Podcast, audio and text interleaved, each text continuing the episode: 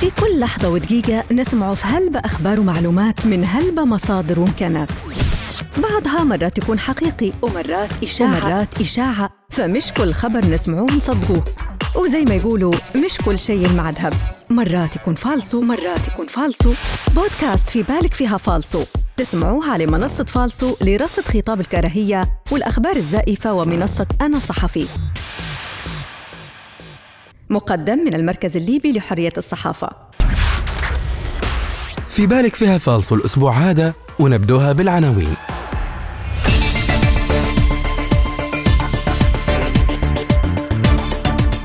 أول عريس ليبي يزف عروسته بطائرة مروحية. دب يتجول بين آثار شحات.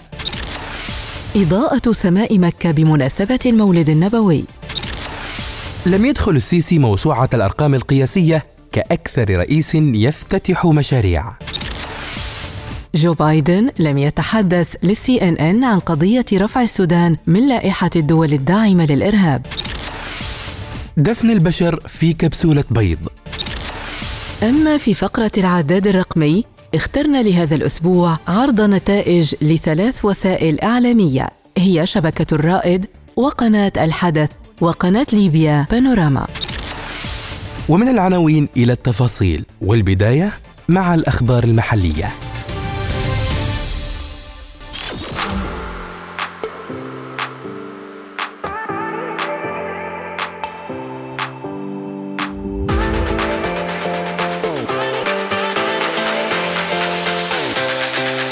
أول عريس ليبي يزف عروسته بطائرة مروحية قامت عديد من صفحات الفيسبوك الليبية بنشر ادعاء مرفق بصورة لعروسين حديثين. يقول أنها أول مرة تحدث في ليبيا أن يقوم عريس بزف عروسته بطائرة مروحية. وحظي الادعاء بتفاعل واسع بين رواد وسائل التواصل الاجتماعي سواء بين الرجال أو النساء.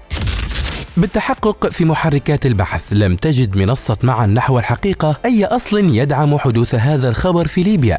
وبعد البحث العكسي للصور تبين أنها ليست حديثة بل تعود إلى مارس عام 2019 وأنها ليست لعريس ليبي بل تعود لعريس أردني الجنسية اسمه محمد الحيالي بمدينة السلط الأردنية يوم زفافه. كما توصلت المنصة لمنشور يعرض الخبر مرفق بالصور.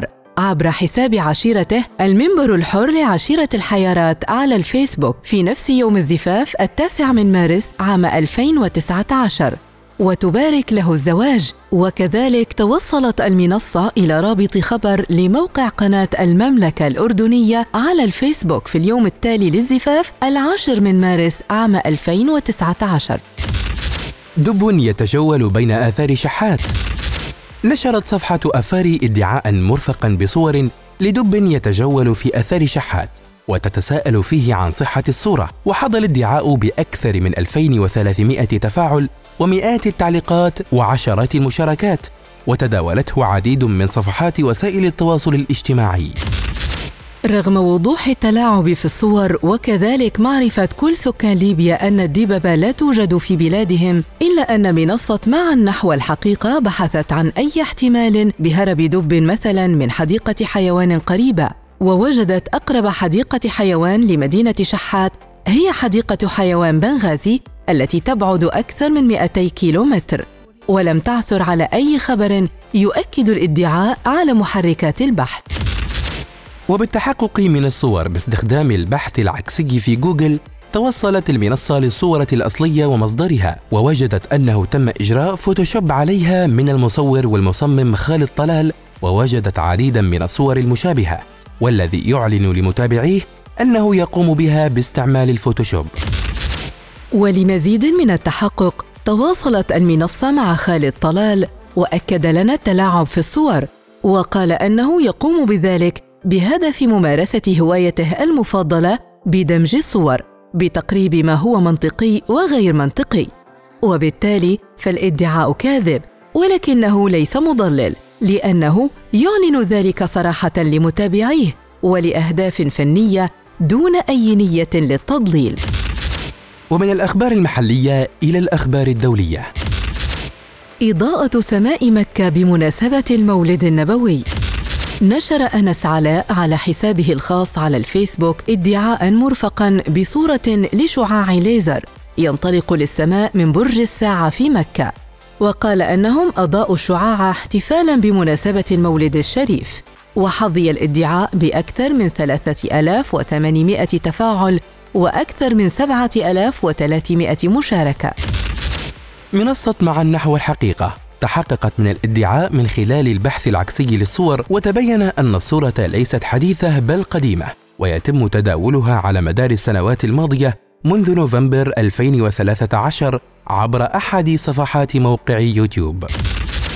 وبالتحقق من المضمون خاصة أنه من المعروف أن المملكة العربية السعودية لا تحتفل بالمولد النبوي. بحثت منصة معا نحو الحقيقة عن مصدر الخبر بالموقع الرسمي لرئاسة شؤون الحرمين والمواقع ذات الصلة ولم يكن الخبر موجود.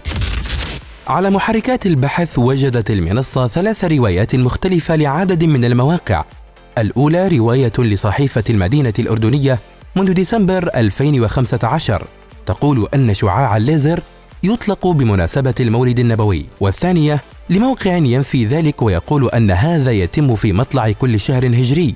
والثالثة لمواقع عدة منها صحيفة عكاظ السعودية تقول أنها تتم بمناسبة حلول عيد الفطر.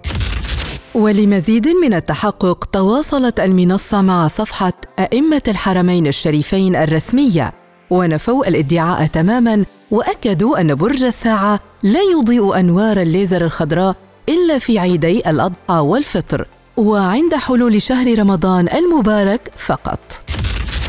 لم يدخل السيسي موسوعة الأرقام القياسية كأكثر رئيس يفتتح مشاريع. تتداول حسابات وصفحات على مواقع التواصل الاجتماعي حديثا خبرا مفاده أن الرئيس المصري عبد الفتاح السيسي دخل موسوعة الأرقام القياسية كأول وأكثر رئيس يفتتح ويقيم مشاريع في العالم، وأنه الرئيس الوحيد في العالم الذي استمر في البناء والتعمير رغم توقف العالم بسبب جائحة فيروس كورونا المستجد، وأن مصر من أقل دول العالم تأثرا بالأزمة الاقتصادية وحققت أيضا نموا وثباتا في نفس الوقت. تحققت منصة مسبار من الخبر المتداول وتبين أنه زائف ولا أساس له من الصحة إذ لم ينشر أي مصدر رسمي الخبر ولم يتم الحديث عنه في وسائل الإعلام المصرية أو الدولية. كما بحث مسبار في الموقع الرسمي لموسوعة جينيس للأرقام القياسية عن الخبر المتداول ووجد أنه لا يوجد أي خبر بهذا الشكل. كما لم تنشر الموسوعة أي شيء عن أكثر رئيس يفتتح مشاريع في العالم. لم يتحدث جو بايدن لسي ان ان عن قضية رفع السودان من لائحة الدول الداعمة للإرهاب. تداولت حسابات وصفحات على موقعي التواصل الاجتماعي فيسبوك وتويتر بتاريخي الحادي والعشرين والثاني والعشرين أكتوبر تشرين الأول الجاري تصريحا نسب للمرشح للرئاسة الأمريكية جو بايدن لوكالة سي ان ان مفاده أنه يطلب من الشعب الأمريكي اعتبار ما قام به ترامب نقطة سوداء بابتزاز دولة فقيرة كالسودان من أجل أصوات في قضية تمت تبرئتها منها قضائيا بالإشارة إلى اشتراط الرئيس الأمريكي دونالد ترامب من السودان دفع 335 مليون دولار كتعويضات لعائلات القتلى الأمريكيين في تفجيرات ادعت الولايات المتحدة أنه كان للسودان علاقة بها من أجل إزالتها من القائمة الأمريكية للدول الراعية للإرهاب. تحقق مسبار من الخبر المتداول وتبين أنه زائف. إذ لم تنشر وكالة سي إن إن أي تصريح لجو بايدن حول الموضوع كما لم يصرح مؤخرا بشيء حول قرار الإدارة الأمريكية الحالية بخصوص السودان. دفن البشر في كبسولة بيض. نشر شخص يدعى أحمد الجمال على حسابه على الفيسبوك ادعاء مفاده أن زوجين مصممين إيطاليين قام ضمن مشروع كبسولة موندي باختراع كبسولة دفن فريدة على شكل بيضة مصنوعة من مواد قابلة للتحلل يوضع بداخلها المتوفى ومعه بعض البذور ليتحلل جسده موفرا المواد العضوية لنمو الشجرة بهدف حماية البيئة وتخليد ذكرى المتوفى. وحظى الادعاء بمئات التفاعلات والمشاركات ولاقى اهتماما من رواد وسائل التواصل الاجتماعي. للوهلة الأولى يبدو الادعاء شبه مستحيل ولكن بالبحث في محركات البحث عن مشروع كبسولة موندي وجدت منصة معا نحو الحقيقة العديد من مواقع اليوتيوب ومنها الزوجين الإيطاليين آنا سيتيلي وراؤول بريتسل وهما يشرحان الفكرة وتفاصيلها وتعود إلى عام 2003 حيث قررا تبني المشروع بهدف حماية البيئة. وبالبحث في المواقع الرسمية وجدت المنصة أن شبكة سي إن إن كانت قد نشرت تقريراً مفصلاً عن الموضوع في 2018 عرض الفكرة وطريقة الدفن كما هي بالإدعاء وهو ما اهتمت به عديد من المجلات العلمية المختصة بالتربة والزراعة الصحية ومنها ساي تكنول التي نشرت تفاصيله في تقرير بتاريخ الخامس والعشرين من سبتمبر الماضي. وبمزيد من التحقق توصلت منصة معا نحو الحقيقة للحسابات الرسمية للمصممين والمشروع على فيسبوك وتويتر وكذلك الموقع الرسمي. ووجدت أن الزوجين الإيطاليين لم يكتفيا بفكرة المشروع بل واصلا تطبيقها على عدد من المتوفين كما أنهما يمتلكان موقعا خاصا لبيع هذه الكبسولات وتتراوح بين 380 إلى 400 يورو للبيضة. وبدأ مشروعهما يلقى رواجا للمقتنعين بالفكرة وبالتالي فالادعاء صحيح. وإلى فقرة العداد الرقمي حيث اخترنا لهذا الأسبوع عرض نتائج ثلاث وسائل إعلامية والبداية مع شبكه الرائد وهي منصة إخبارية تبث عبر الشبكات الاجتماعية. بعدما كانت قناة تلفزيونية أنشئت في يوليو عام 2014 بتمويل قطري قبل أن يتم إغلاقها. يعتقد لأسباب مالية وسياسية وقد أسسها الصحفي الليبي إسماعيل جريتلي في إسطنبول. انتقلت بعدها إلى طرابلس بعد إفلاسها وهي تابعة للشركات التي يديرها حزب العدالة والبناء في ليبيا. حيث ارتكبت شبكة الرائد 1660 إخلال خلال الربع الأول من هذا العام كان أغلبها في شهر أبريل بعدد 560 إخلال. تركزت الإخلالات المهنية حسب الأشكال الصحفية في الخبر أو التقرير الإخباري بعدد 1121 إخلال بنسبة 67%. أما في تصنيف خطاب الكراهية وتغطية النزاعات المسلحة فتمثلت في التحريض والسب والتشهير بعدد 962 إخلال بنسبة 77%. أما فيما يخص الإخلالات المهنية حسب منتج أو مصدر الخرق فكانت إدارة التحرير هي الأعلى نسبة بعدد 1104 إخلال وبنسبة 66%. أما عن الإخلالات المهنية حسب تصنيف الأخبار الزائفة فكانت الاتهامات دون أدلة هي الأعلى بعدد 212 إخلال وبنسبة 51%.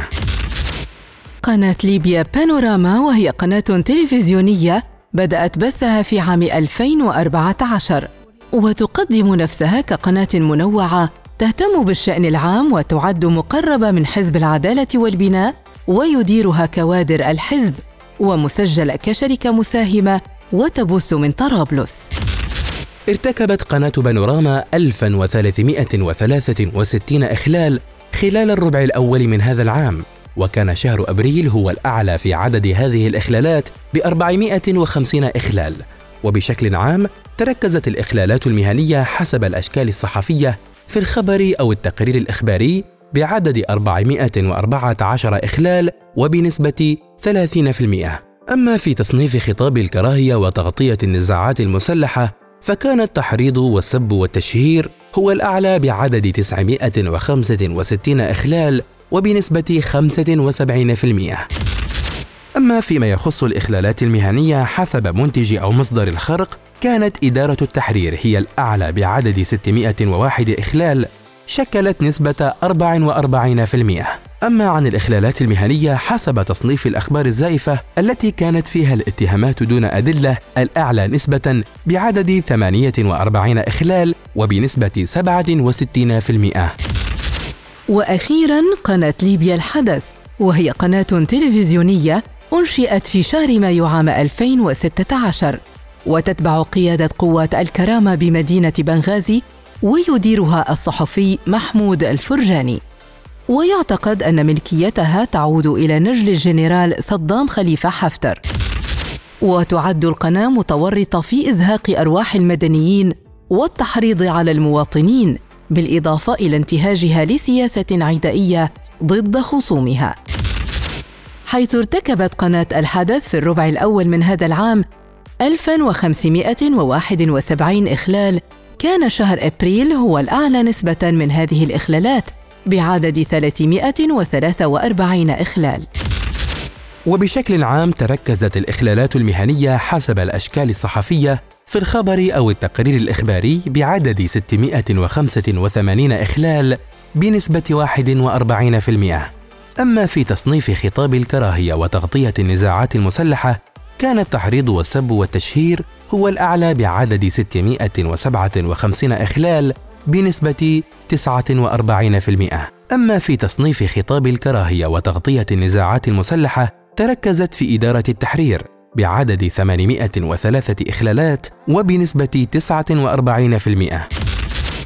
وأخيراً في الإخلالات المهنية حسب تصنيف الأخبار الزائفة كانت الاتهامات دون أدلة هي الأعلى بعدد 220 إخلال بنسبة 70%. وبهيك نكون وصلنا لنهاية بودكاست في بالك فيها فالصو هذا الأسبوع ما تنسوش تزوروا صفحتنا على فيسبوك منصة فالصو لرصد خطاب الكراهية والأخبار الزائفة. وموقعنا الإلكتروني فالصو دوت إل واي. وحتى حسابنا على إنستغرام وتويتر فالصو دوت إل واي. أخبار جديدة وحقائق جديدة تسمعوها ديما في بودكاست في بالك فيها فالصو وما تنسوش مش كل شيء يلمع ذهب ومش كل خبر حقيقة مرات يكون فالصو في كل لحظة ودقيقة نسمع في هلبة أخبار ومعلومات من هلبة مصادر وإمكانات. بعضها مرات يكون حقيقي ومرات إشاعة. ومرات إشاعة. فمش كل خبر نسمعوه نصدقوه. وزي ما يقولوا مش كل شيء يلمع ذهب مرات يكون فالصو ومرات يكون فالصو بودكاست في بالك فيها فالصو تسمعوه على منصة فالصو لرصد خطاب الكراهية والأخبار الزائفة ومنصة أنا صحفي. مقدم من المركز الليبي لحرية الصحافة.